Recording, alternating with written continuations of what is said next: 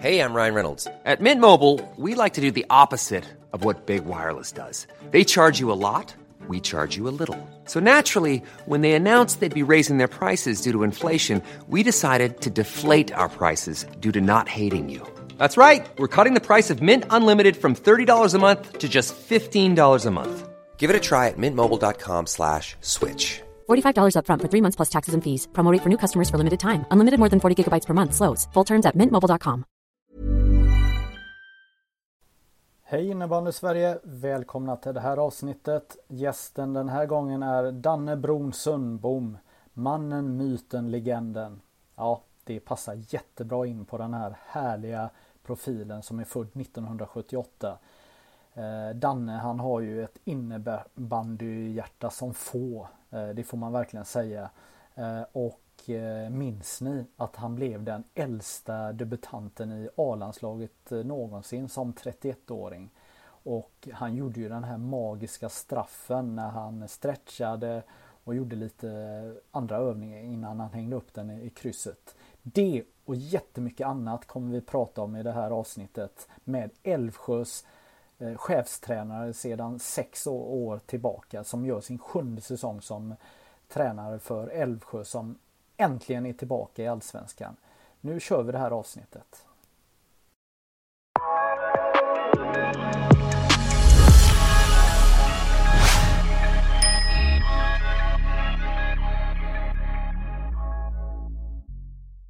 Ja, då hälsar jag Danne Bron Sundbom eh, välkommen till det här avsnittet.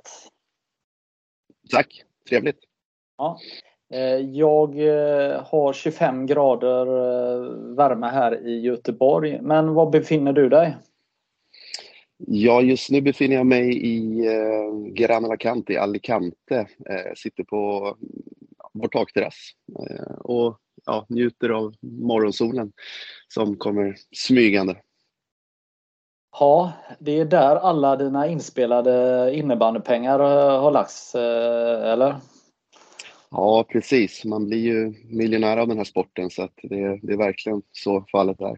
Nej, definitivt inte. Det har väl alltid varit en liten dröm och det var väl egentligen frun som eh, tjatade på att vi skulle eh, göra någonting utanför eh, Sverige, eh, inte köpa någon, någon sommarställe där. Så det blev Spanien och det har vi inte ångrat sedan dess.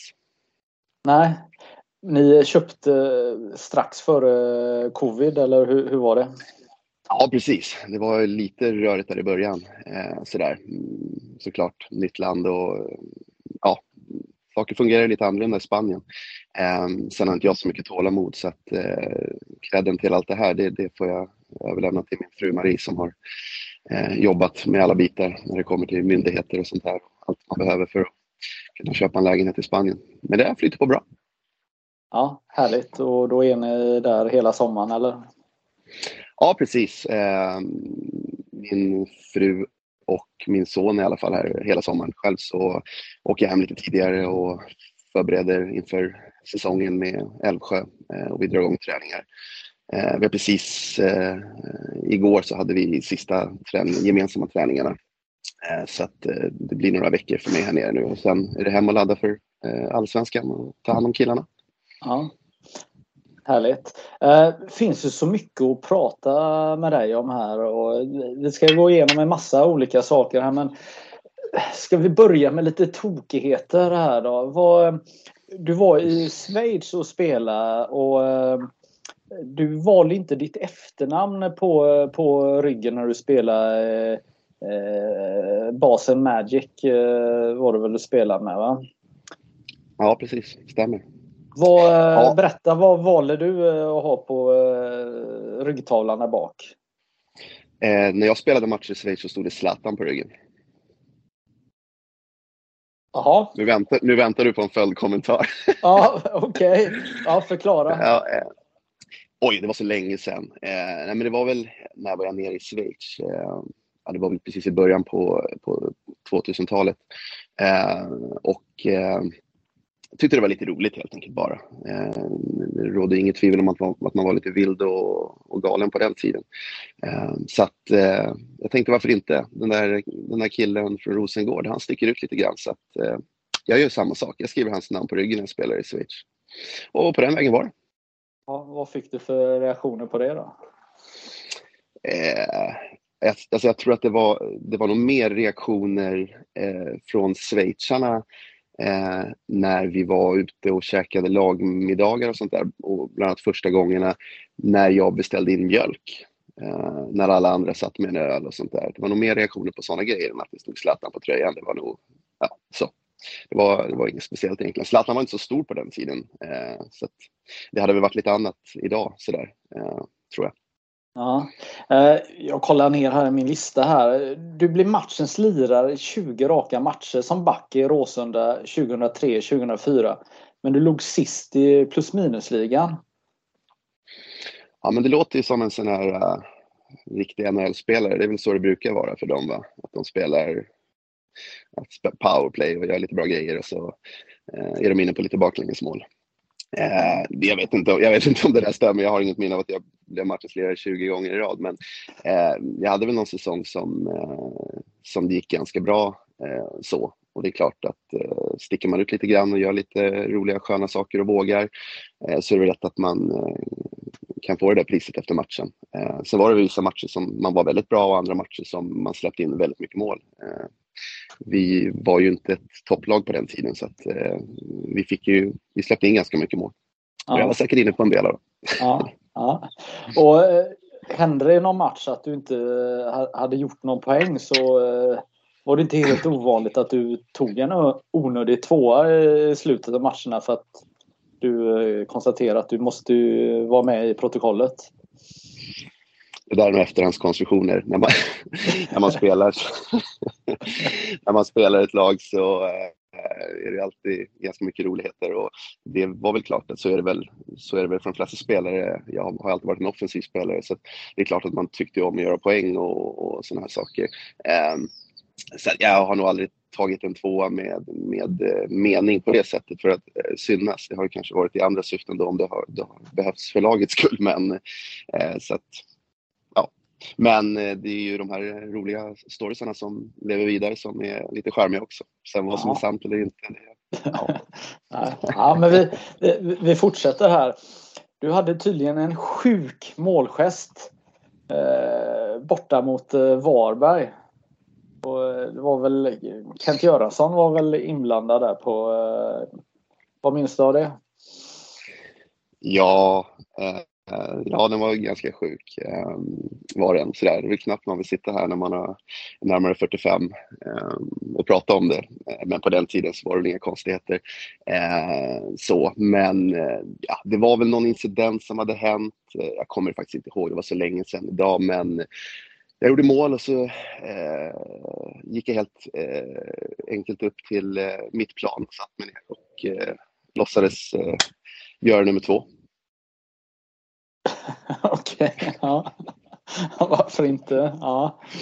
Ja. ja, det, fanns ju, det fanns ju en bakgrund till den där. Det vet ju hur det var. Men, men eh, det som var det roliga i det hela, om man ska säga så, det var ju att året efter när vi kom tillbaks till, eh, till Varberg så gjorde jag mål igen och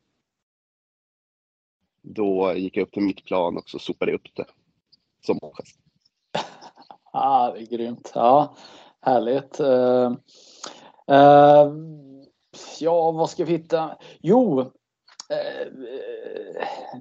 du hade ryggskott eh, en gång bland annat och, och då eh, hade du idén om att träna med en blyväst när du hade ryggskott. Det låter ju inte så smart. Det låter ju som att ryggen kan bli starkare i alla fall om man har en, en väst på sig.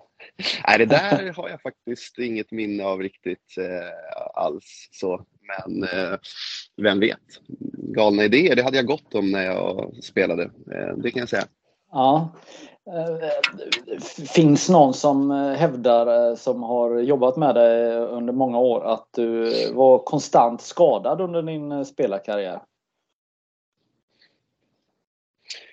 Jo, men det stämmer nog. Var ganska skadad. Eller liksom, ont eh, på olika sätt. Eh, men det kommer väl lite grann med hur man spelar, vad man har för spelstil. Och jag var ju en sån spelare som eh, hade mycket boll, eh, offrade mig för laget, eh, bredvid sargen och tog stryk på träningar och på matcher. Så att, eh, ja, eh, jag hade mycket ont, eh, hade jag. Och därav så tycker jag väl själv att det var ganska fascinerande att jag tog mig så långt som jag gjorde. Eh, så. Mm. Eh, sen har du, du har ju tillhört rätt många klubbar under din karriär och väldigt många av dem har åkt ur eh, eh sina serier. Du, du har Haninge, Balrog, eh, Högdalen, Fornudden, Råsunda, Täby. Mm. Nästan ont i käften här. Eh, ja, ja. ja det, fin det, finns nog fler klubbar som har, har tillhört som har som har eh, kanske inte åkt ur, eller åkt ur, men som har försvunnit från eh, innebandykartan som in, inte finns kvar idag. Eller som kanske återuppstått eh, i, någon, i någon annan variant senare. Du pratade om Basel Magic där jag var eh, Eh, där jag var i Schweiz och spelade och, och, eh, de försvann ju. Jag vet inte om de har startat om i någon lägre division några år senare. Så det, jag har inte koll på den schweiziska innebandyn. Men jag vet att de, de försvann under en period. Och sen har vi då Fornudden som eh, tragiskt nog försvann. Det var ju en, en härlig eh, klubb, eh, annorlunda klubb. Eh, en klubb där man träffade många, Eh, många människor som man eh, tycker om inom innebandyn och liksom la grunden till eh, mycket när man var ung. Så. Mm.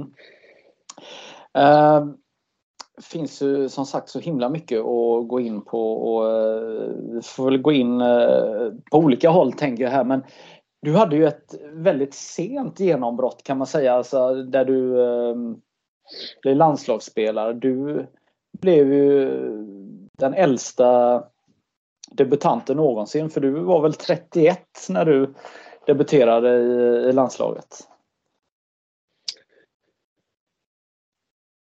Eh, precis, jag var nog 31. Eh, jag tror att på här sidan så kan jag ha varit, kanske fortfarande är, eh, den äldsta debutanten. Jag tror att eh, det kan finnas någon tjej som har varit äldre. Eh, ja, det var ju ganska trevligt. Eh, får tacka Kent Göransson för det. Eh, för att man fick chansen där på ålderns höst. Men eh, det var väl en tid som, som gick ganska bra och där man la väldigt mycket fokus på träning och också på att liksom vara seriös. Alltså innebandy någonstans när man började eh, och när man var ung kontra till vad det blev. Eh, det är ganska stor skillnad. Eh, likadant vad som har hänt med innebandyn nu eh, framåt så att säga. Så, ja, så att det, var, det var en tid som man eh, verkligen satsade på, på innebandyn på ett eh, otroligt sätt. Och eh, trots att man alltid hade ont så kämpar man på. Ja, ja men du, eh, du kom ju eh, kom du topp tre i poängligan och du spelade väl inte ens powerplay eh, den säsongen. Och det är ju ruskigt imponerande att man inte har en bärande roll i ett powerplay och kommer så högt upp i poängligan. Eh, ja, i, i, i Täby då hade vi väl ganska mycket eh, olika, alltså vi, vi ändrade ganska mycket så jag är ganska säker på att jag hade eh, en del minuter i powerplay också. Eh, framförallt i slutet av säsongen när, när det gick så bra poängmässigt så att säga. Ja. Men ja, nej, jag började skjuta mycket den säsongen. Jag hade hjälp från en en av våra tränare som i stort sett på varenda träning skrek skjut, skjut. Eh, och det gjorde jag. Så jag får dedikera en del av det till honom, att jag började skjuta. Eh, så att, eh, ja, då började några bollar hitta in där. Mm. Det var inte bara det såklart. Eh, jag hade väl en ganska skadefri säsong och hade tränat ganska hårt. Så att, ja, men, ja, men jag, eh, jag minns ju såklart eh, Eh, Eh, din karriär väldigt eh, noga och också eh, ditt erkännande när du blev landslagsspelare. Alltså, när man är 31 år och, och debuterar så är man ju en färdig spelare på något sätt. Alltså du, du eh, kunde ju erbjuda landslaget en, eh, att, att du hade rutin och att du var på något sätt färdig. Eh, hur var det att, att komma in då som Eh, som eh, med jättemånga år i SSL och, och, och eh, ta på sig den här gula tröjan. Äntligen! Jo, men det är klart att det var ett erkännande. Det är klart att jag kände att jag hade några säsonger där, där det gick bra. och Jag kunde konkurrera med de bästa.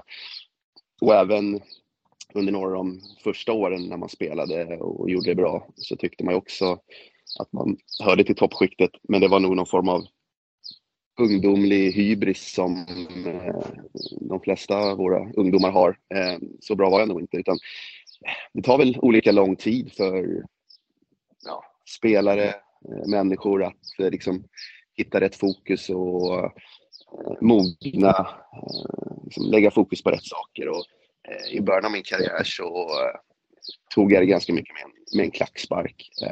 så som du själv eh, hade exempel på, lite roligheter och sånt där. Eh, och eh, det krävdes väl att man fokuserade på, på rätt saker och la ner den mängden träning framförallt som, som krävdes. krävdes. så att, ja, det var ju otroligt stort när man stod där första gången i Västerås och fick dra på sig landslagströjan. så. Eh, och i din landslagsdebut så gör du den här eh, straffen som eh, för alltid kommer vara en Youtube-klassiker i innebandyns historia. Berätta!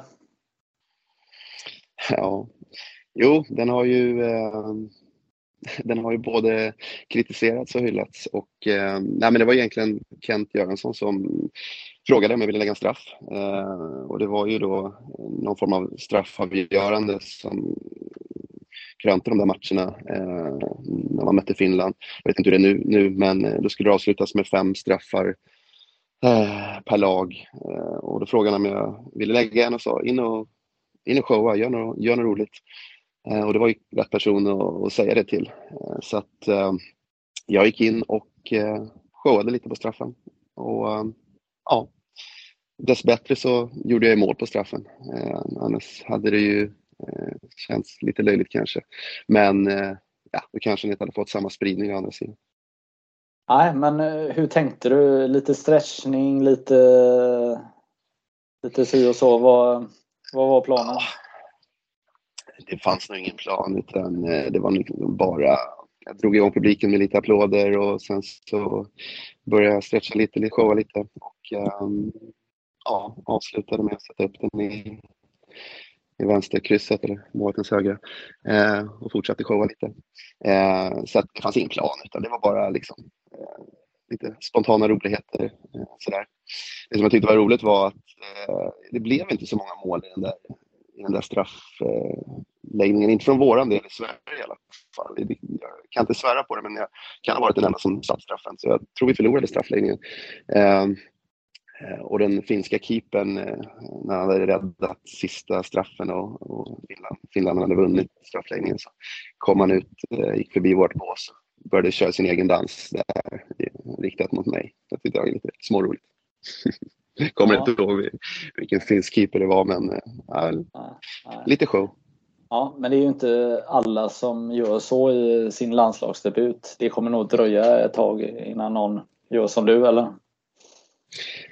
Ja, eller vi får hoppas att det inte gör det. Alltså någonstans så är det väl eh, lite sådana här saker som, som gör att det blir lite roligt att uh, folk vågar sticka ut, att folk vågar vara lite annorlunda. Uh, så, men ja, det krävs ju ganska mycket för att man ska, det är inte, det är inte bara det är inte bara positiva saker när man sticker ut och när man vågar ta ut svängarna.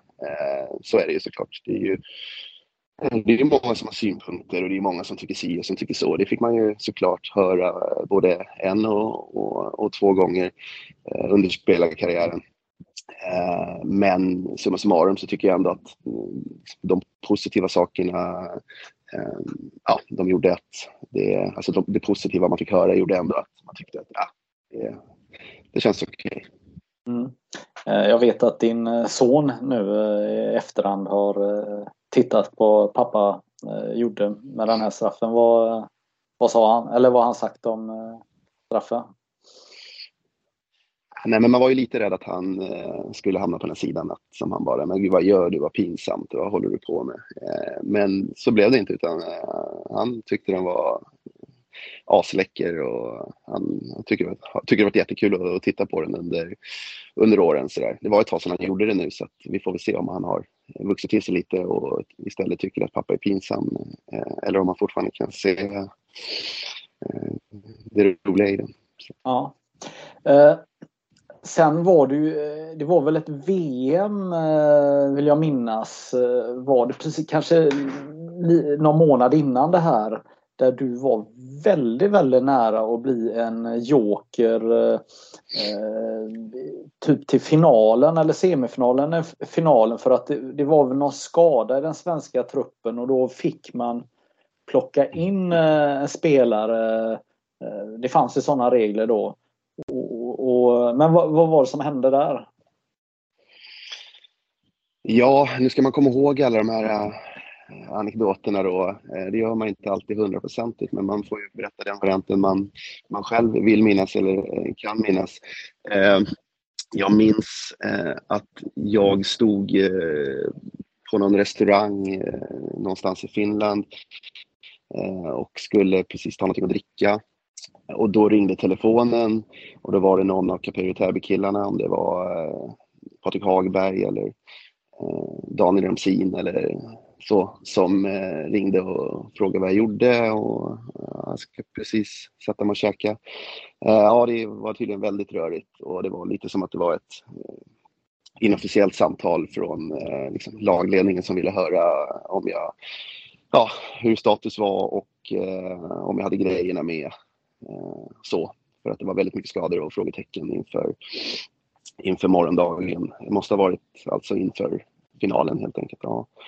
Eh, och då gick ju pulsen upp ganska hårt. Eh, så man, nu, nu har jag aldrig varit någon drickare så att jag hade väl antagligen glas mjölk i, eller en cola i, i handen så det var inget problem men eh, jag började tänka efter där om jag hade saker med så jag kunde, så jag kunde finnas redo på en bänk eh, om det skulle bli ännu rörigare. Eh, och det tror jag på något sätt att det skulle lösa sig.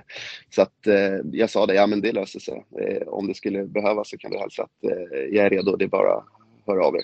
Så att, eh, men eh, sen hörde jag inget mer. Eh, och det eh, var väl som det brukar vara, många spelare som var lite halvskadade och som kämpade på och spelade. tyvärr räckte det inte hela vägen heller och det är för Sveriges del. Det kanske var beroende på att det var många spelare som var halvskadade och sånt där.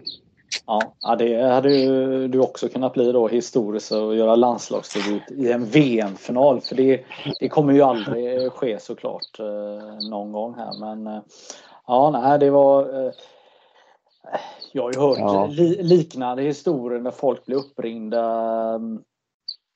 Typ när det har varit någon landslagshelg och sånt där och folk är lediga och, och kanske sitter och dricker något mer än mjölk och, och får ett samtal och man på något sätt bara får säga till sina kompisar att eh, jag ska nog gå hem och lägga mig och sova för jag ska, jag ska landslagsdebutera imorgon. Så, alltså. så att eh, ja, nej, det, det, det, det är härligt. Du, vet det, eh, du kommer göra din sjunde säsong i i Älvsjö och sex, eh, sjätte säsongen som, som huvudtränare. Första säsongen så eh, var du spelare men du gick sönder tidigt har du berättat för mig här. Eh, och, och Älvsjö ska spela i Allsvenskan här nu första gången på vad är det, tio år. Eh, berätta vad, hur ska det här gå och vad har hänt? Ja, nej, men det är jätteroligt eh, för föreningen LKAIK som, eh, som du sa, jag har varit här i, ja, det blir sjunde året eh, och då, då tar man saker till sitt hjärta. Eh, det är viktigt för mig som eh, människa och när jag håller på med innebandy att man eh, verkligen känner för det man håller på med. Det är lätt att man spelar i många klubbar och sådär men till slut hittar man någonting eh, som passar en eh, och det har jag gjort som ledare och det har blivit väldigt många år. Eh, och det ska bli extremt spännande att ta sig an eh, de allsvenska lagen. Vi har ju strävat efter allsvenskan eh, i föreningen och i här laget under många år. Som sagt, det är tio år sedan föreningen var uppe i allsvenskan eh, senast och sen blev det många år med eh, förlust i avgörande kvalmatch. Eh, eh det var, det var, jag var, jag var faktiskt tittade på den tiden, stod på läktaren med, med några av de spelarna som har vuxit upp och som jag har idag. Eh, och det, var, det var tufft för föreningen och sen eh, blev jag ditlurad av eh, den gamla tränaren eh, Jonas Gavelin som eh, var där under fem års tid och tänkte hjälpa till som spelare. Eh, jag hade kört några år i Tumba eh, och vässat formen i samma division, i division 1. Men eh, Eh, då, ja, det tog en match, det var, måste ha varit seriepremiären, så hände det någonting. Eh, jag trampade väldigt snett och eh, i stort sett var borta hela säsongen. Så att efter den säsongen så fick jag frågan om jag ville hjälpa till och kände väl direkt att ja, jag skulle ha hjälpt laget som spelare men eh, då ville jag ge det en chans som eh, ledare istället. Fast det tar ju oerhört mycket mer tid. Och på den vägen var det. Och eh, sen har jag hållit på då i sex års tid och kämpat för att nå allsvenskan. Eh, det har varit några coronaår. Eh, ett år som blev väldigt bryskt eh, ja, där serien avslutades inför sista omgången. Eh, vi tyckte det var väldigt jobbigt för vi hade chansen att trodde vi skulle ha en bra chans i kvalet. Det var även en bra chans att vinna serien, men tack vare att de eh, skulle kora eh, de som gick upp genom serieseger så eh, blev andra resultat inte som jag tror att det hade blivit annars och då förlorade vi den chansen. Året efter så blev det bara fyra matcher i division 1 och ja, det, var, det känns som att det varit en lång eh, coronaperiod men när vi kom ur den nu så eh, lyckades vi genom ett väldigt, väldigt tufft eh, kval där vi hade en riktig holmgång mot Värmdö som kanske är Älvsjös tuffaste konkurrenter. Lite av ett klassiskt hatmöte i Stockholm, hur man ska uttrycka det. Ehm, och sen spöade vi Tyresö, eh, TT. Och det var en otroligt tuff match. Det kunde ha gått precis hur som helst. De var, de var lika bra som oss. Eh, vi hade marginalerna på vår sida och nu eh, ja, är vi tillbaka. Förhoppningsvis för att eh, etablera oss. Eh, men som sagt var, det var tio år sedan föreningen var uppe i, i Allsvenskan och det var tio år sedan jag var uppe i Allsvenskan som, som ledare för, för Balrog. Så att, det händer mycket på tio år. Men eh, det ska bli väldigt, väldigt roligt. Mm. Eh, när du eh, pratar om Corona och hela den här biten så är det ju faktiskt lite otäckt hur snabbt man glömmer av. Men det du eh, beskriver då det är ju att för två säsonger sedan så, så avbröts ju säsongen i, i, i mars här och eh, egentligen på alla nivåer så, så var det en, två, tre, fyra omgångar kvar av, av serien. Och, och, på förbundsnivå då så väljer man då alltså att frysa serierna så som de såg ut då och utse seriesegrarna till att de fick ta klivet upp då. Och ehm, det var ju även i allsvenskan var det ju samma sak där då att eh, seriesegrarna gick upp till SSL då. Eh, och eh, säsongen efter så, så avbryts det och, och ni då som befinner er på division 1-nivå får alltså inte spela någonting mer då. För det var ju bara på herrsidan var det ju allsvenskan och SSL och på damsidan eh, damernas SSL. Så att eh, och, och, och, jag är säker på att även andra som lyssnar på det här känner samma sak. Och just det. Och det här är ändå en sån närtid här så att så att, att komma ur, eh, ur det här med det här positiva då, att, att ni då lyckas under den här första eh, he, eh, hela säsongen måste ju vara fantastiskt. Men vad har ni att erbjuda eh, Allsvenskan eh, norra säsong som kommer? Ja, nej men förhoppningsvis så eh, har vi många spelare som, som faktiskt vågar. Eh, det är extremt viktigt. Eh, att, ja, att man gör det. Eh, jag menar, det finns så många exempel på spelare i så många idrotter som, som inte har vågat ordentligt eller som inte eh, kommer till sin rätta i en klubb. Eh, för oss i Älvsjö är det väldigt viktigt att man mår bra och att man verkligen vågar, att man trivs. Eh, då kan man få fram väldigt mycket hos spelarna. Så jag hoppas att det är många spelare som verkligen vågar göra sin, eh, sitt livs bästa säsong, som eh, växer in i, i kostymen. Eh, eh, topplagen i division 1 är i Stockholm, i Stockholmsettan. De är på allsvensk nivå stundtals. Det, det vågar jag säga. Men det är också många matcher som eh, definitivt inte är på knappt division 1-nivå. Det är ganska stor skillnad mellan topplagen och eh, bottenlagen. Så, så att eh, man hoppas att spelarna växer in i, i kostymen. Eh, sen har väl alla ledare och, och lag sina eh, tankar om hur man ska bedriva verksamheten och hur, hur man spelar. Och Eh, vi spelar ett ganska framåtlutande spel i Älvsjö. Eh, vi är offensiva, vi spelar ett högt försvarsspel eh, där vi vill sätta kommandot och inte låta motståndarna komma upp och få spela som de vill. Det finns ju flera sätt att göra det men vi spelar ett offensivt, en offensiv och rolig innebandy. Ja, allsvenskan eh, norra är ju eh, intressant. Eh, två lag lämnade ju eh, toppen om man säger så. Eh, och det var inte Nykvarn som eh, många trodde och även de själva trodde skulle ta klivet upp utan istället var det Gävle och AIK som, som tog steget upp. Och samtidigt så kommer Djurgården ner då.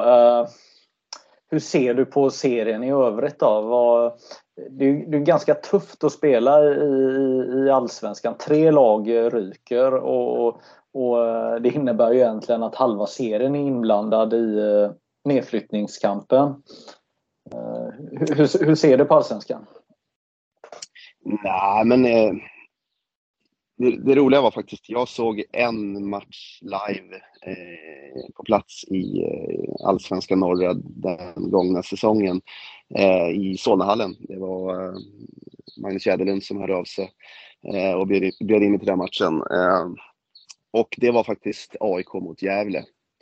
Eh, vilket då var lite roligt eftersom eh, båda två tog klivet. Och vilken sprakande, fantastisk innebandymatch det var. Jag eh, minns att jag eh, reste mig upp, jag träffade några vänner och vi konstaterade allihopa, vilken match. Det var otroligt eh, tekniskt fartfyllt. Eh, det märktes verkligen att det var två lag som hade någonting bra på gång. Eh, och det är ju någonting annorlunda att se en match live än att sitta och se matcher på TV. Jag har väldigt svårt att se innebandy på TV. Jag tycker inte det är speciellt eh, roligt. Man fångar inte detaljerna och man fångar inte liksom riktigt upp innebandyn. Eh, så det är svårt ibland att relatera till de här matcherna som man ser på Eh, på TV. Men, men just den här matchen var ju fantastisk. Så att jag, jag är glad att både Gävle och eh, AIK gick upp, för det var två riktigt bra lag utifrån vad de, eh, vad de visade där. Så det är skönt att slippa dem, men eh, det finns ju ganska många andra duktiga lag. Eh, väldigt många lag från Stockholmsområdet eh, som spelar i den serien och det gör ju att det blir ganska roligt. Eh, Salem har ju Jonny Lindström eh, som jag hade tillfället för uppåt tio år sedan att eh, ha hjälp av när jag tränade Stockholms distriktslag eh, eh, lite grann. Eh, och han har gjort en fantastisk resa tillsammans med många andra ledare ute i, i, i Salem med sitt eh, man-man-spel. Eh, de är ju alltid väldigt, väldigt svåra att beräkna vad man har och spela mot. Vi har ju Tullinge, eh, min moderklubb, som eh, har många år eh, uppe i allsvenskan nu. Svåra att möta. Så det finns ju en del föreningar som det ska bli en härlig utmaning att ta sig an.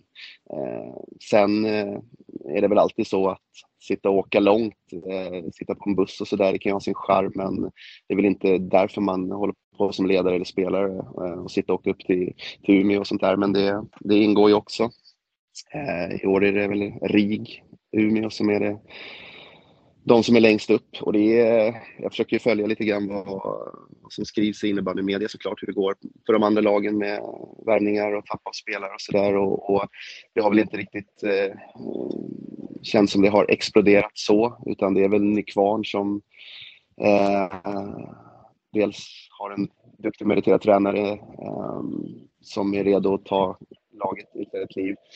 Eh, men dels har värvat och förlängt med en massa spelare så att de, de sticker ut otroligt. Men det gjorde de ju eh, redan i fjol. Framförallt med sin presentation av spelare där med alla dessa Fantomen och Superman och allt vad det var. Eh, det är lite roligt. Nej, men det ska bli, det ska bli väldigt spännande att sätta sig in i Allsvenskan mer och se vart det tar vägen. Men eh, vid den här tidpunkten så lägger man ju mer fokus på sitt eget truppbygge och um, planer. Och, eh, det känns väl lite grann som att man inte riktigt ordentligt har kommit ut ur den här coronabubblan än. Eh, det var ju ett par år sedan man var på träningsläger och kunde göra saker på ett normalt sätt som man vill bedriva sin verksamhet. Eh, så att man får liksom refresha lite eh, på de bitarna. Så att, eh, det kommer bli en, ett, intensivt år i Allsvenskan för Älvsjö och förhoppningsvis kan vi eh, etablera oss och hålla oss kvar eh, och på sikt eh, göra det ännu bättre. Mm. Eh, jag är också eh, nyfiken på Stockholmsinnebandyn. Du har ju då eh, befunnit dig på division 1-nivå under flera år och givetvis så följer du ju Allsvenskan och SSL. Eh, nu har vi eller jag vet inte riktigt hur man ska säga om ordningen är återställd men nu har vi AIK i eh, SSL som eh, för mig ut, utanför eh, Stockholm ses som kanske det mest naturliga att spela SSL just nu och så har vi mängder av lag i division 1 och i allsvenskan. Men hur tycker du att, eller du kanske tycker att jag har helt fel, men hur tycker du att världen är i, i Stockholmsinnebandyn nu 2022 och vi bortser från coronabiten. Men hur, hur mår innebandyn i Stockholm? Hur, vad kommer hända tänker du framöver? Ja, det är en bra fråga eh, att se nu efter coronan vart eh, Stockholmsinnebandyn eh, landar någonstans. Eh, Alltså det viktigaste är ju egentligen återväxten. Eh, det är, det är där det startar hela tiden eh, för att man ska få eh, kidsen intresserade i Stockholm av att spela innebandy och tycka att det är det roligaste och vilja träna och lägga ner den tiden som krävs för att komma högst upp. Förra året för att spela SSL med Djurgården eh, i år, eller kommande säsong, för att spela eh, med AIK. Eh, och det är väl där någonstans jag kan eh, se eh, problematiken. Eh, just för att jag märker det på min, på min egen eh, son och i skolvärlden och hans kompisar att det är inne i Stockholm, eh, runt Stockholm, så är det väldigt svårt att eh, hålla på med spontan innebandy Eh, Eh, så. Eh, det är väldigt lätt att ta en basketboll eh, och stå och spela en en mot en match eller skjuta en 21 Det är väldigt lätt att gå iväg och spela lite fotboll, köra massa lekar och små matcher på konstgräsplanerna som finns utspridda överallt. Men när det kommer till innebandy så finns det enligt mig ganska smala möjligheter för att hålla på med sådana saker spontant. Eh, det är klart att du kan gå till en parklek och du, det, det står ett mål och någon klubba där på en asfalt med massa grus. Och det är klart att det är några som plockar upp en klubba och spelar men, men det är inte så himla det är inte så himla roligt. Alltså det, när vi växte upp, eh, Magnus, då, då spelade vi fotboll på, på grus eh, och tyckte att det var fullkomligt naturligt att stå i mål i division 6 på en, på en grusplan. Men så är det ju inte nu. Dagens eh, kids, de, de vill ju ha det som man har vuxit upp som, som dagens barn. Man spelar fotboll på en fin konstgräsplan. Och, ja, nej, men vi kan ju prata ganska mycket om Eh, hur det ser ut i föreningarna i Stockholm och varför eh, det är bara en klubb de sista två åren nu, Djurgården och AIK, som har liksom nått SSL och eh, hur verksamheten funkar om, omkring Stockholm. Eh, och det är många som eh, ja, vill att det ska se annorlunda ut. Eh, det känns nästan konstigt att man egentligen bara har så få möjligheter att se eh, toppinnebandy Eh, att se SSL, att det är ett lag i Stockholm med tanke på hur det var eh, för tio år sedan. Eh, där det liksom bara blommade av Stockholmslag och eh, ja, innan dess. Eh, men eh, jag, jag vågar hävda att för mig så börjar allt på liksom gräsrotsnivå.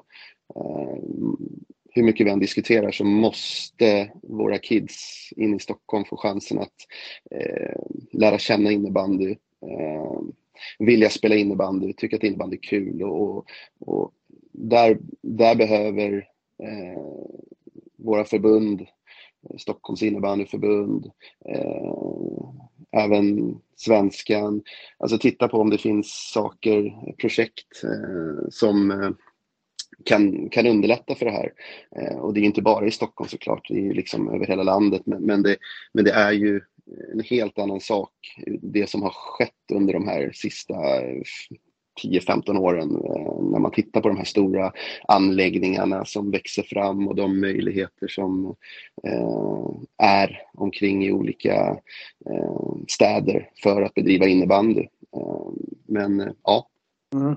Ja, men jag eh, tycker det är intressant det du tar upp här med eh, för kidsen, alltså hur, hur eh, tillgängligt innebandy är som du säger med basketboll eller fotboll är bara ut och köra men, men jag upplever ju att, att det kändes som att det bara var att gå ut och köra på skolgården på 80-talet.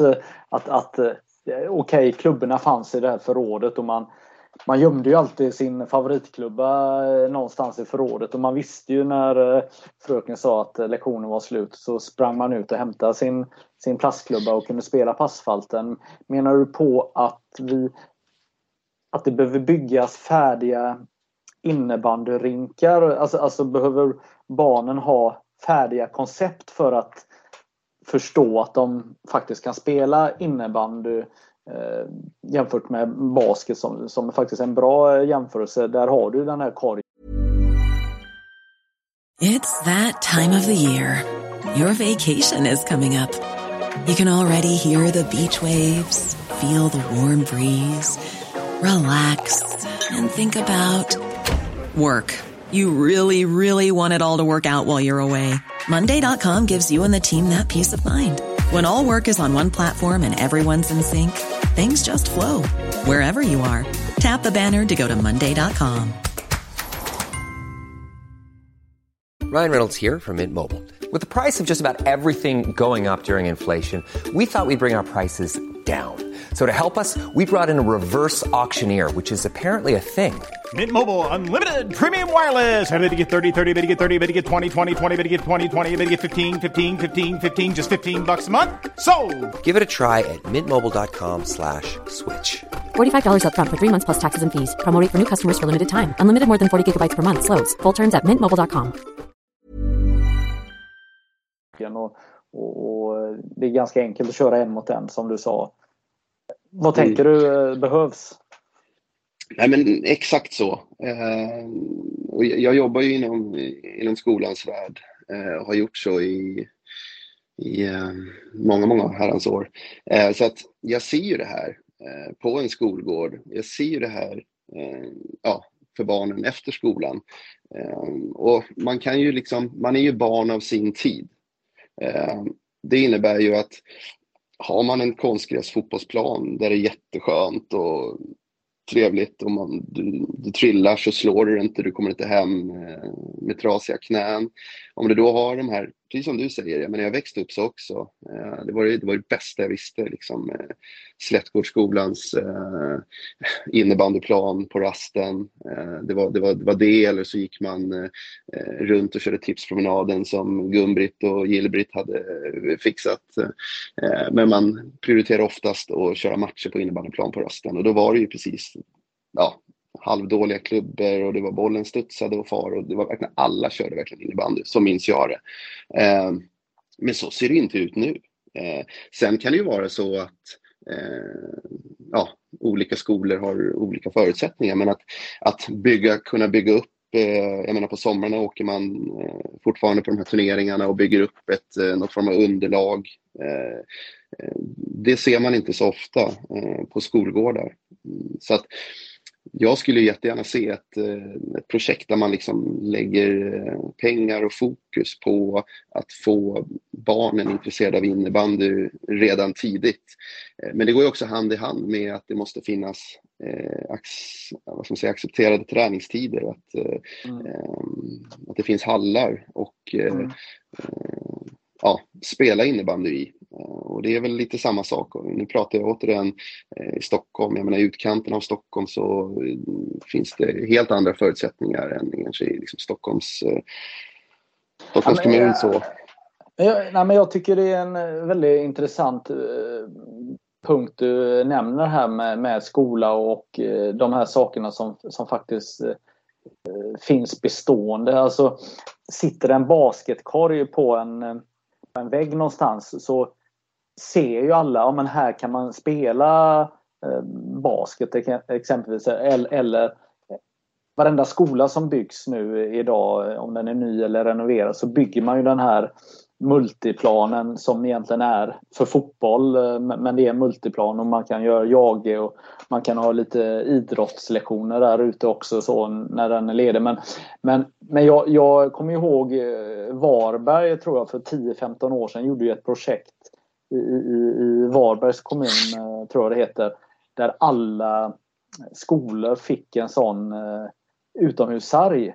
Och, och då på något sätt har man ju satt innebandyn i, på den skolan att det finns en, en sarg. Sen om den används till, eh, till andra lekar och, och hela den här biten men, men barnen har ju, de kan ju spela fotboll där också, säkert basket där också men, men eh, när det finns eh, någonting som är bestående, sitter i marken på något sätt så, så kan man ju inte snacka bort innebandyn för att jag tror du och, jag och många andra när vi spelade i skolan så var inte vi så noga vad vi hade för mål. Vi kunde ta en bänk som, som ett mål eller, eller eh, två stolpar. Jag menar idag är ju ungarna är ju så vana att allt är fixat för dem. De, de ser ju inte två träd eh, som ett fotbollsmål, eh, tänker jag. Jag kanske har helt fel men så som jag vi gjorde. Jag, jag tror att vi kunde också hantera den situationen för det blev ju ganska mycket diskussioner om bollen var inne eh, eller så. Eh, jag tror inte att det är läge i dagens skolor att ställa fram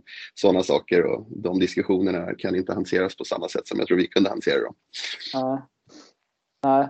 men för att alla är ju så negativa. Någonstans så finns ju ändå spontanidrotten på rasterna eh, eh fortfarande även om om andra saker har tagit över så finns den ju. Så, så, att det gäller ju att det finns på skolorna personal som ställer fram och som är engagerad. Och, där kan ju väl innebandyn fortfarande vara en av de här bärande sakerna. Alltså det gäller väl bara att göra jobbet. För jag, jag tänker väl att, att det är basket, fotboll och innebandy som kan vara de här bollsporterna på något sätt eh, som fungerar på en skolgård eller vad, vad tänker du? Jo, men så är det väl. Eh, jag kan bara titta på, på den skolgården där jag befinner mig i våran skola och där har vi basket och det är fotboll och det är en eh, gräsplan för allt annat än bollidrotter och vi har även en, en liten innebandyplan. Så. Men den, den används inte så ofta så, utan det, är, det är mest basket och det är fotboll och det är spontanlek och det är eh, andra saker. Och det är lite tråkigt. Eh, mm. Men vad, vad är det du menar? Menar du att, att någon eh, representant från någon förening eller Stockholms innebandyförbund eller svenska ska komma ofta till er skola och introducera sporten eller, eller ta hand om någon verksamhet på eftermiddagen? Alltså, eller vad, vad, vad är, vilka steg eh, behövs tas då, tänker du? Nej, men jag ser nog att alla möjliga steg som är möjliga, att man, att man börjar, precis som du är inne på, man kan brainstorma fram massa idéer. Eh, men vill man att innebandyn från förbundshåll ska fortsätta eh, få utövare Eh, och att den ska blomstra så eh, kanske man ska satsa projektpengar på just sådana här saker som du säger, att man eh, kommer till skolor, att man kanske ser om det finns möjligheter att bygga ett annat typ av golv istället för en, en grusplan i en parklek eller kring en skola. Vet inte precis hur, hur det skulle funka så, men jag vet inte vad som har gjorts, men, men jag tror att eh, det jag ser är att det är väldigt mycket andra idrotter som eh, tar överhanden. Eh, så. Sen är det väl fortfarande så att innebandyn är ju otroligt stor. Eh, jag har inte tänkt med alla siffror men, men eh, någonstans kan man inte slå sig för bröstet och tro att det ska vara så för evigt utan eh, man måste också jobba för att kidsen ska välja innebandy och få det som sin stora passion. Eh, för på varenda skolgård så går det ju en potentiell eh, Niklas Ide eller Mika Konen eh, som finns där och skulle kunna fatta ett tycke för innebandy och, och lägga ner en stor del av sitt liv på det precis som du har gjort och precis som jag har gjort. Eh, det, mm. ja, jag tycker bara att man måste och det här tror jag är en, en, en Stockholmsfråga eh, väldigt, väldigt mycket. Eh, så. Jag tror att det ser väldigt annorlunda ut på, på andra ställen i, eh, i, vårt, eh, i vårt land. Så. Mm. Eh, du pratar om passion eh, och det har ju du verkligen för innebandy. Eh, du har en lång spelarkarriär som är framgångsrik där du spelar i hundra olika klubbar. Du, du var till och med en sväng i Tjeckien, stämmer det eller? Ja, det stämmer. Det stämmer. Hur länge var du där då? Nej, det var inte så jättelänge. Jag spelade för ett lag som heter SSK Future. Eh, frågan om de finns kvar idag, som du var inne på. eh, det var mer, det var mer um, en, en, en, rolig grej. Eh, jag åkte ner och spelade en stor turnering där i, i, i Tjeckien med dem. Eh, gjorde jag. Så att, ehm, jag var inte där under så att jag, jag bodde där under den perioden som när man var nere i Schweiz. Men, men det var en, det var en rolig, rolig erfarenhet. Ja, men du är en av de här eh, personerna. Det kanske var ännu vanligare mm, lite tillbaka i tiden men, men du går alltså från spelarkarriär och så hoppar du på ledartåget. Det betyder ju att, att du gillar att vara i den här världen. Eller? Ja, jo men så är det ju. Um, jag har ju vuxit upp med innebandyn som vi var inne på. Jag, man höll på på skolgården när jag spelade innebandy när jag var ja, farsan spelade eh, som de gjorde på den tiden och man satt i, en, i ett hörn med väskor i en liten hall. Eh, så det finns ju liksom i DNA. Eh, det går, det går liksom inte att komma ifrån. Och, eh, hur mycket jag än känner att jag försöker på något sätt ändå distansera mig liksom lite grann.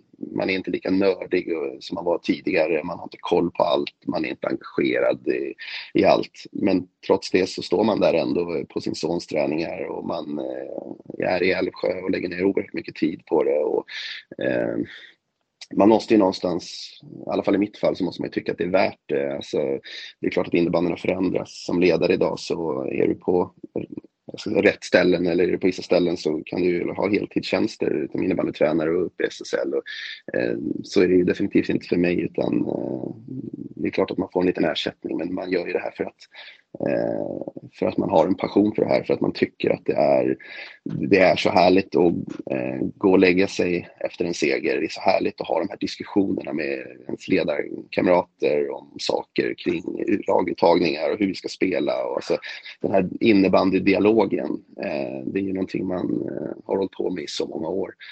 Mm, jag vet inte hur många nattliga samtal som jag och Magnus Jäderlund har haft under åren i eh, i Caperi, Täby och Råsunda. Um, och uh, ja, man var ganska trött vissa morgnar när man klev upp. Uh, man hade suttit och ventilerat och diskuterat innebandy och saker som, som har skett. Och, uh, Vad var det ni pratade om då, du och Magnus? ja, det kunde ju vara, det var ju, jag hade ju eh, Eh, Binge som ledare under så många år så det är klart att eh, vi hade ju olika roller eller olika, vi var i olika faser och eh, det kunde ju vara allt möjligt. Ja, det var ju säkert gånger som han behövde tillrättavisa mig som spelare och det var ju säkert gånger som jag hade synpunkter på någonting eh, kring eh, hur vi bedrev verksamheten och men jag var även assisterande tränare i Capello Täby under, under Binge eh, vid ett år. Eh, Eh, så att ofta så kretsade diskussioner kring innebandyn och allt som pågick. Liksom. Vi, kunde, vi kunde ägna timmar och bara diskutera saker och ting som pågick i innebandysfären. Eh, saker som vi var förbannade på eller eh, saker som skulle förändras. Det, det kunde vara vad som helst. Eh, ja. Va, du, du har ju spelat i, i två av, av... Det finns några klubbar i innebandyns historia som är... Det är mycket myter kring då. Jag menar du, du har representerat eh, Fornudden då som eh, som, eh, som var en riktig mytklubb under, egentligen, ja, under 90-talet kan man säga. Och man avvecklar sin verksamhet efter säsongen när man slutar åtta i SSL. Alltså man går till slutspel och sen lägger man ner verksamheten och eh, blir väl en del av eh, Haninge där på, på något vänster. Men, men, men sen så är du med i Råsunda men framförallt Kaperi Täby. Eh, som också är mycket myter kring och, och, och, sånt där. Men vi kan inte prata om allt men, men de här två klubbarna tänker jag att vi ska prata om lite. Men men eh, kan du berätta hur du började med innebandy och hur du hamnade i eh, Fornöden?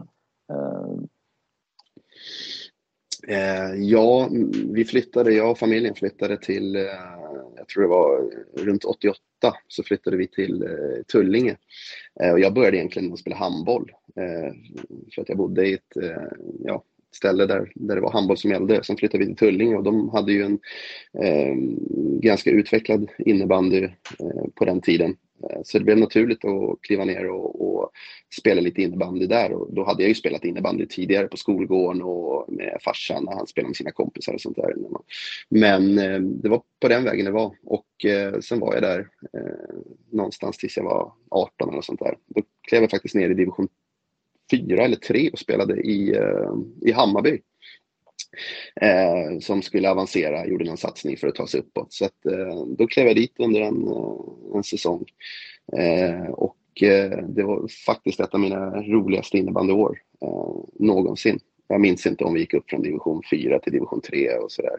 Eh, men jag träffade otroligt mycket härliga människor och var med på en jätterolig resa med Hammarby. Och sen efter det så tog jag klivet till, eh, till Fornudden då, då och gjorde väl mm, några säsonger där eh, innan de då la ner eh, verksamheten. Försökte väl ja, etablera mig som en elitseriespelare som det hette på, på den tiden och spelade väl ganska mycket.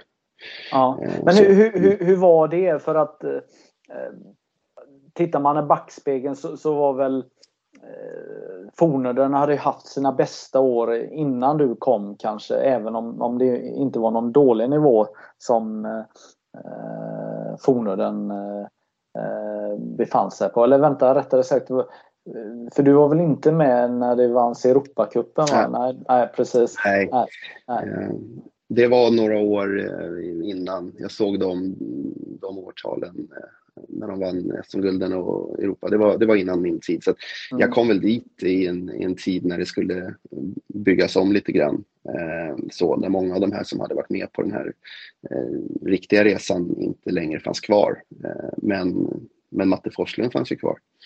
Eh, så att det var det fanns ju en del andra eh, profiler också. Så.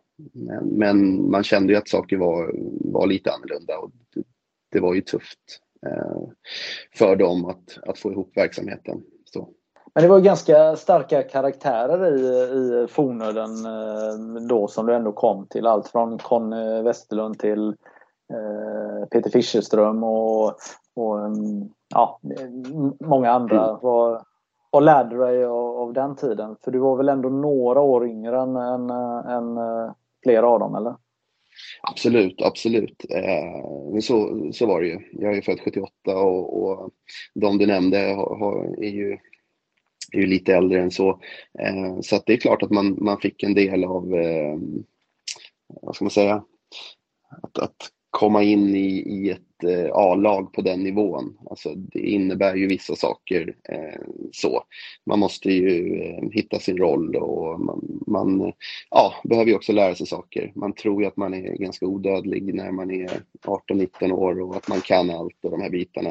Eh, och, och, det har väl inte förändrats så mycket. Det tror väl fortfarande dagens kids och, och, och, det är ju det är härligt. Det är en del av att ta sig framåt. Eh, skulle man se begränsningar och hitta problem då skulle det vara svårare. Så att, men det gäller ju att man blir lite nedtagen på jorden ibland också tror jag.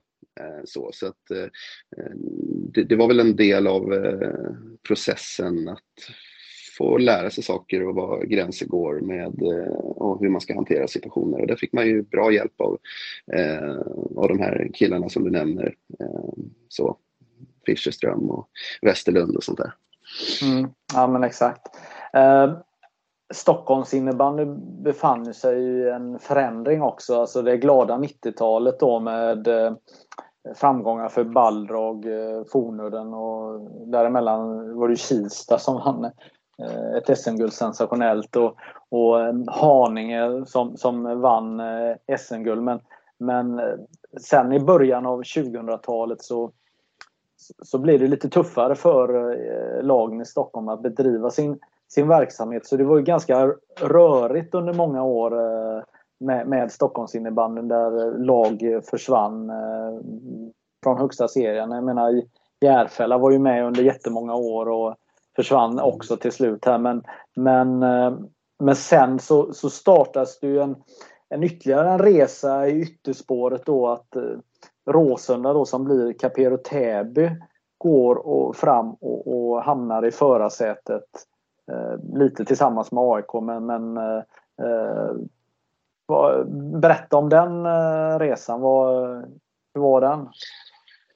Ehm, en magisk resa. Um, det, ja, det, är svårt att, det är svårt att beskriva. Ehm, liksom, eh, man, lever, man lever i den på, någon, på något sätt. Liksom. Eh, när man tittar tillbaks på den så eh, det är klart att det fanns perioder som kunde varit jobbigare och sånt där men det, det var någonting otroligt eh, speciellt med det som eh, jag blev en del av eh, ganska tidigt då.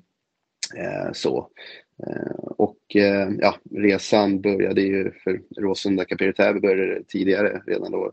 Det var ju Jäderlund i, i Tensta. Alltså det, det, är en lång process som man såklart har, när man har varit inne i det, eh, hört storyna flera gånger och, och eh, även liksom innan man blev en del av det också eh, har liksom bevittnat eh, så vid sidan av.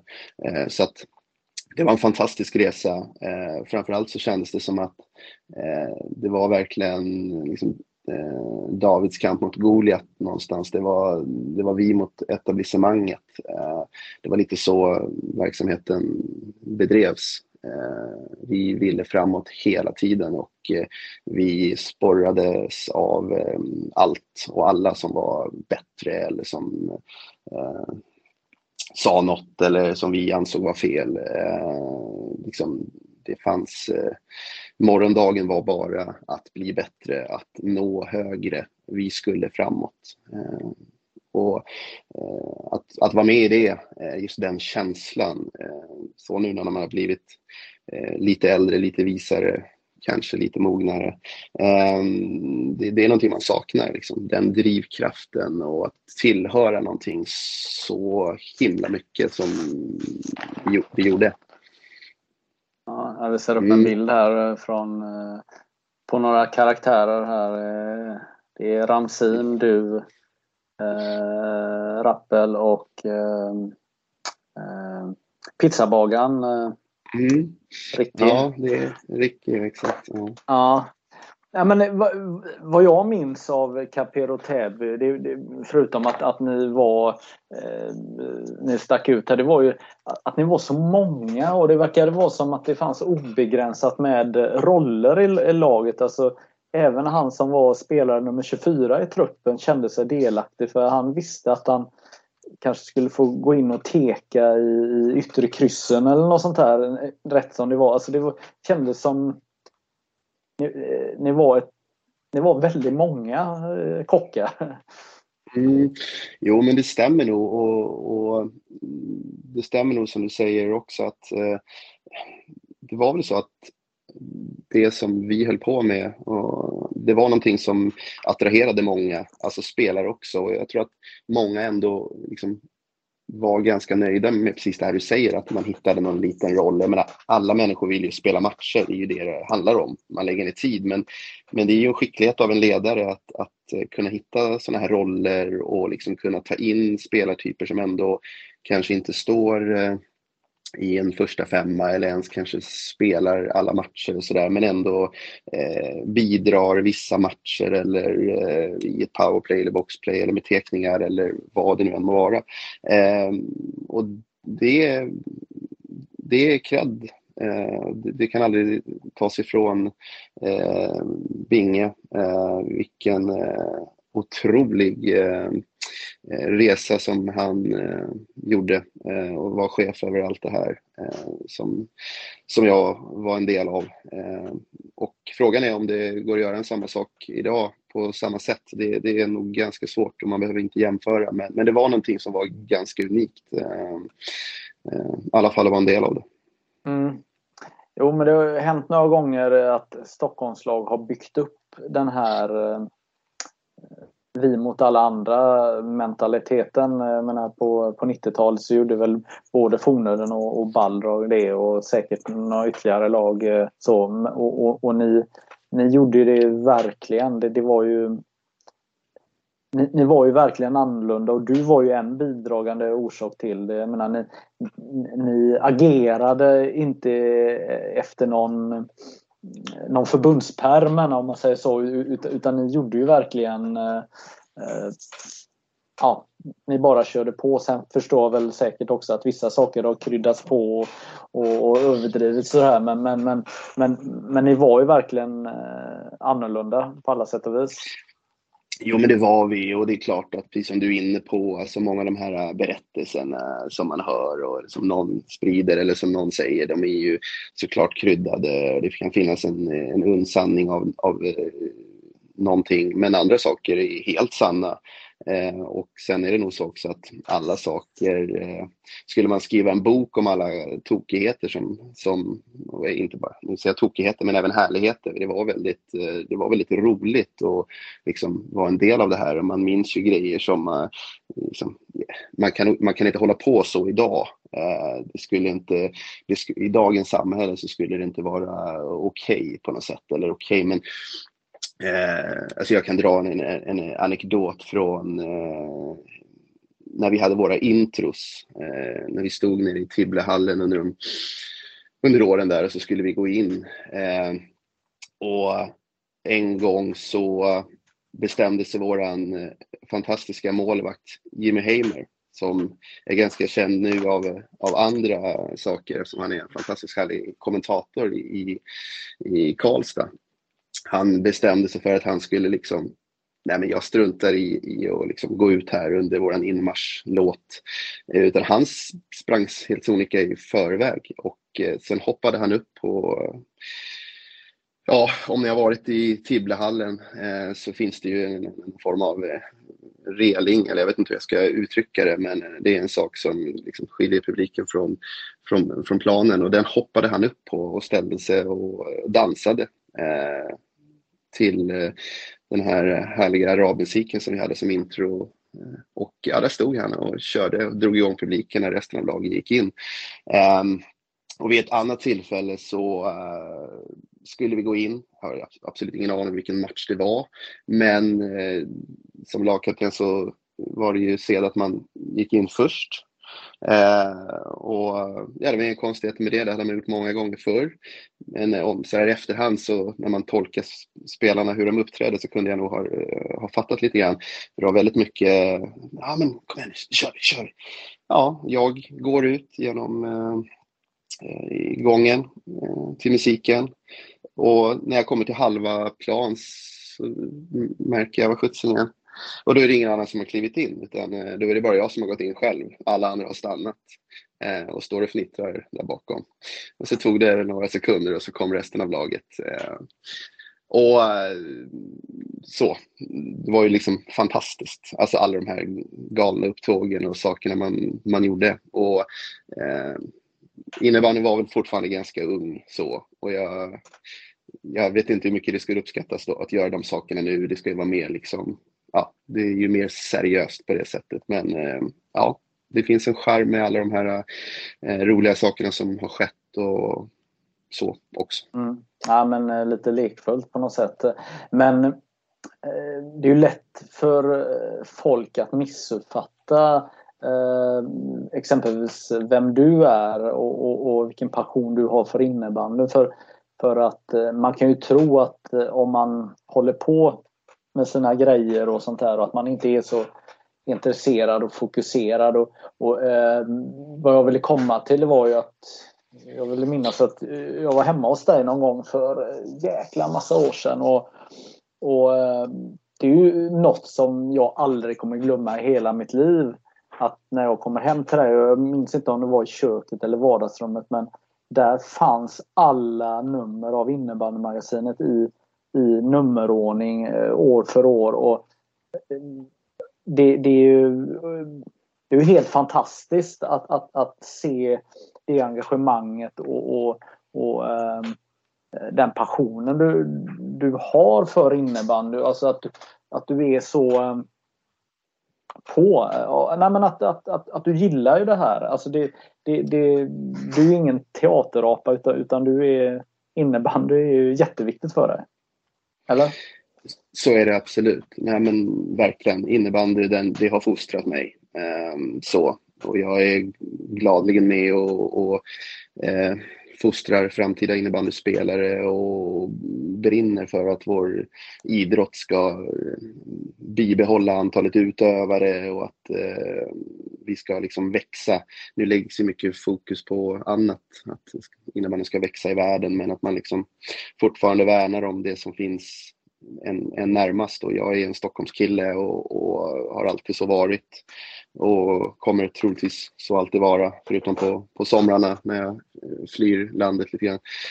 Um, så att eh, sen att man är, absolut, jag har varit en teaterapa, det finns de som man kallar mig mediakåt eh, och det, det ligger ju sanning i det, absolut. Jag brann för innebandyn och för att innebandyn skulle synas och jag lärde mig ganska fort eh, hur innebandyn kunde få rubriker och, och sådana här saker. Eh, och eh, det, det, fanns en period för det. Eh, och det var ganska länge sedan nu eh, och sedan dess så har man väl, eh, ja, jag försöker föra mig framåt ganska eh, ganska tyst nu för tiden. Eh, Mm. Eh, och kanske inte stå där uppe på eh, barackerna eh, och synas och höras som jag gjorde tidigare. För det ska ju sägas att det är inte alltid det är också ett, det är ganska slitsamt så. att mm. ständigt vara i ropet och, och synas och höras och, och så och det är klart att man behöver lägga tid på rätt saker som spelare. Eh, det går att kombinera men det, det krävs ganska mycket också. Eh, så. Ja. Eh, jag tänker så här att vi är i sista delen av vårt samtal här. Vi skulle kunna prata i timmar och gå in på detaljer till höger och vänster här. Men om vi knyter ihop säcken här lite. Du, du gör alltså 314 matcher i SSL. 327 poäng och 223 utvisningsminuter. Är du nöjd med, med det facit? Ja, det är ganska mycket utvisningar. Mm. Ja. Vad, vad, vad var en klassisk utvisning då för dig? Eh, någon domare som hade vaknat på fel sida och tog en totalt felaktig utvisning. Nej, skämt åsido. Eh, så var det inte. Eh, nej, men alltså, man plöjde ju genom planen ganska ofta. Man, eh, alltså, man spelade med kroppen, man, man var intensiv. Eh, man var ganska galen. Eh, så. Det var passion. Mm. Allt ja, men du, gav, du gav och, gav och och gäddor ganska mycket. För, för ibland, ja du flög också mycket mot sarger och så. Så du var väl inblandad i väldigt mycket situationer? Ja, dålig balans var det någon som, var det någon som sa som hade delat ut en tackling. Um, nej men absolut, så att jag, jag vet inte riktigt. Alltså det, jag, jag har ganska svårt för att liksom komma ihåg så gamla saker utan jag kör och sen så lägger man det till handlingarna och sådär. Och, och det är väl likadant. Eh, jag lägger inte så mycket fokus på, på innebandyn och, och liksom siffrorna som har varit på så sätt. Det, det har varit och jag skulle ha bytt, jag skulle ha bytt varenda match eh, och varenda mål, varenda assist. Eh, var, ja, jag skulle inte byta resan, upplevelserna, men jag skulle byta det mesta för ett SM-guld. Det, det är väl någonting som fortfarande gnager, det tror jag gör i i, alla som eh, har varit nära och varit uppe i SM-finaler och liksom inte lyckas. Eh, och det är någonting som eh, det gnager verkligen. Resten av alla saker och ting, det är, ja, det är som det är. Ja. Ja, men du har två SM-brons med Caperio och med Fornudden. Och så har du två silver då med Capero Täby blir det va? Mm. Mm. Eh, och eh, ja.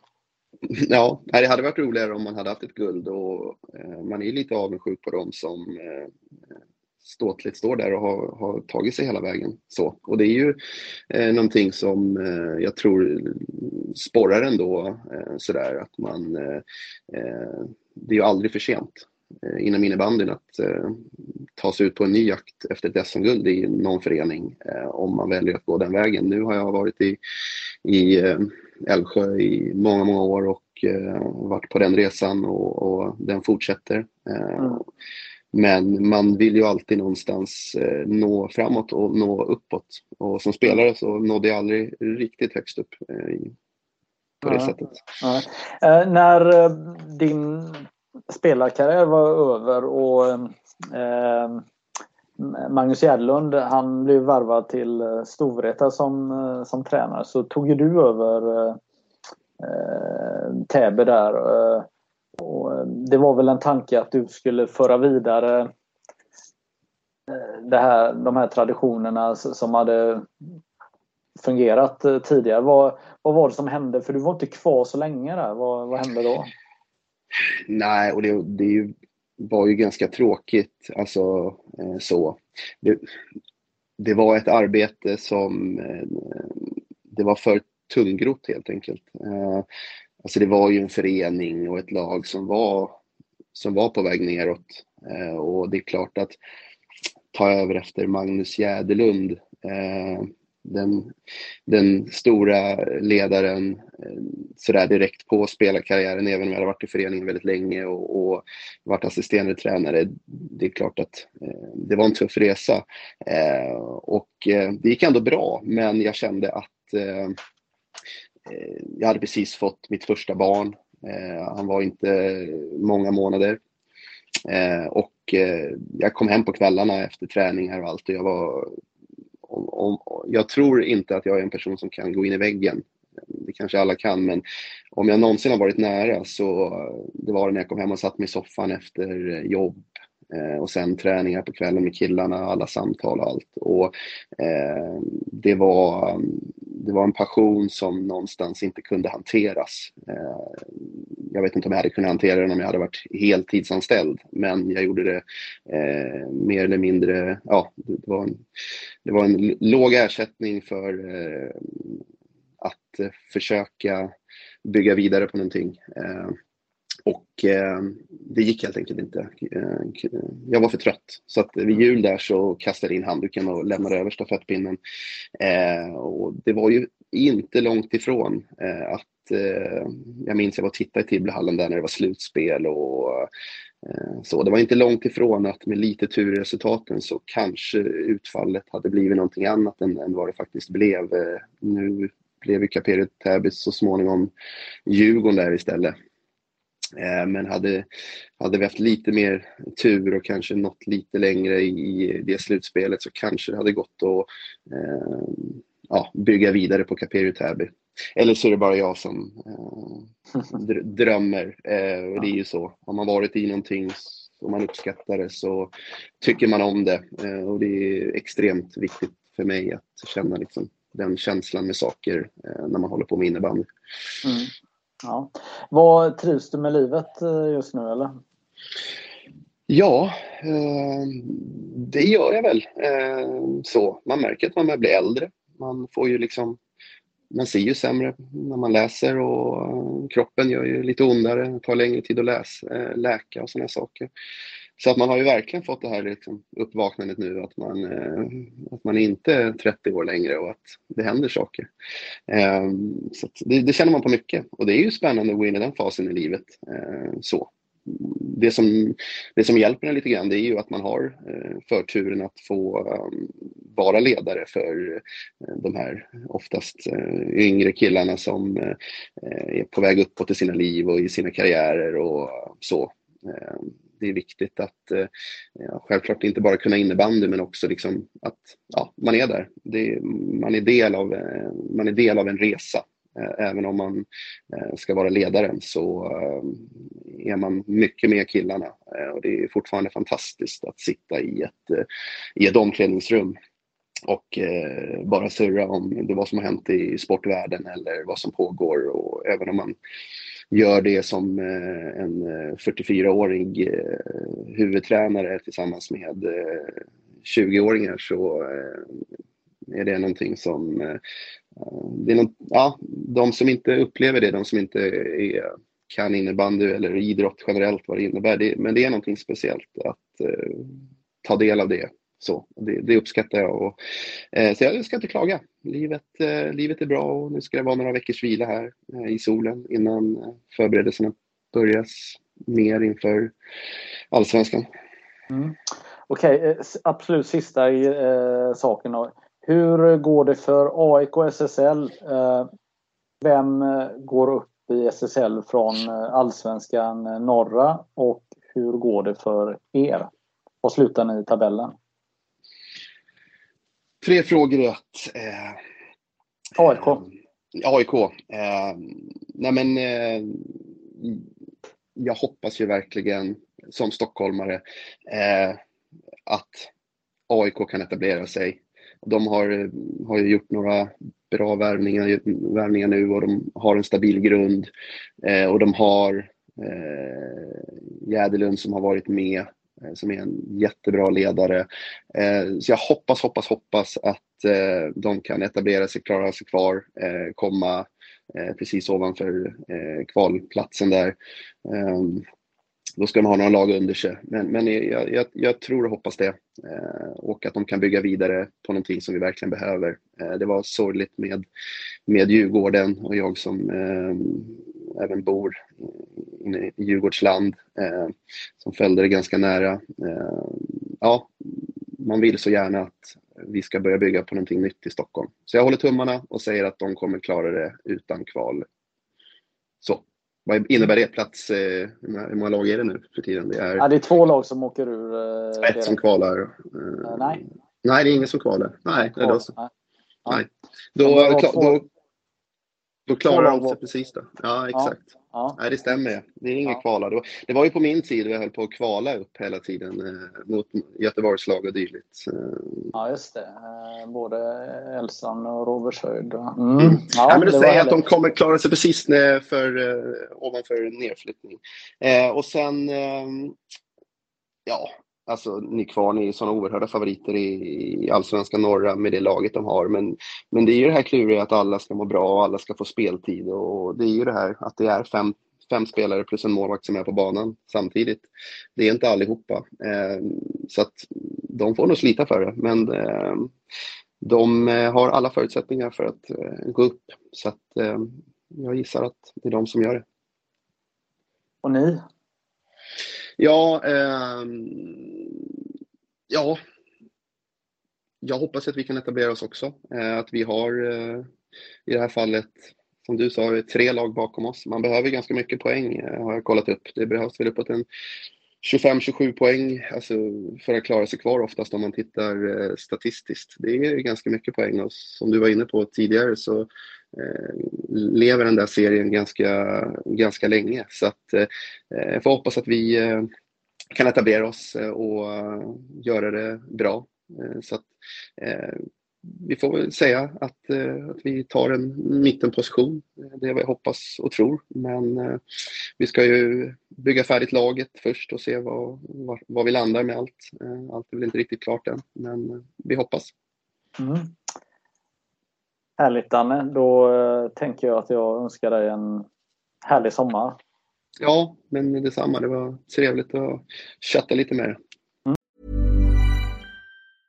Selling a little or a lot?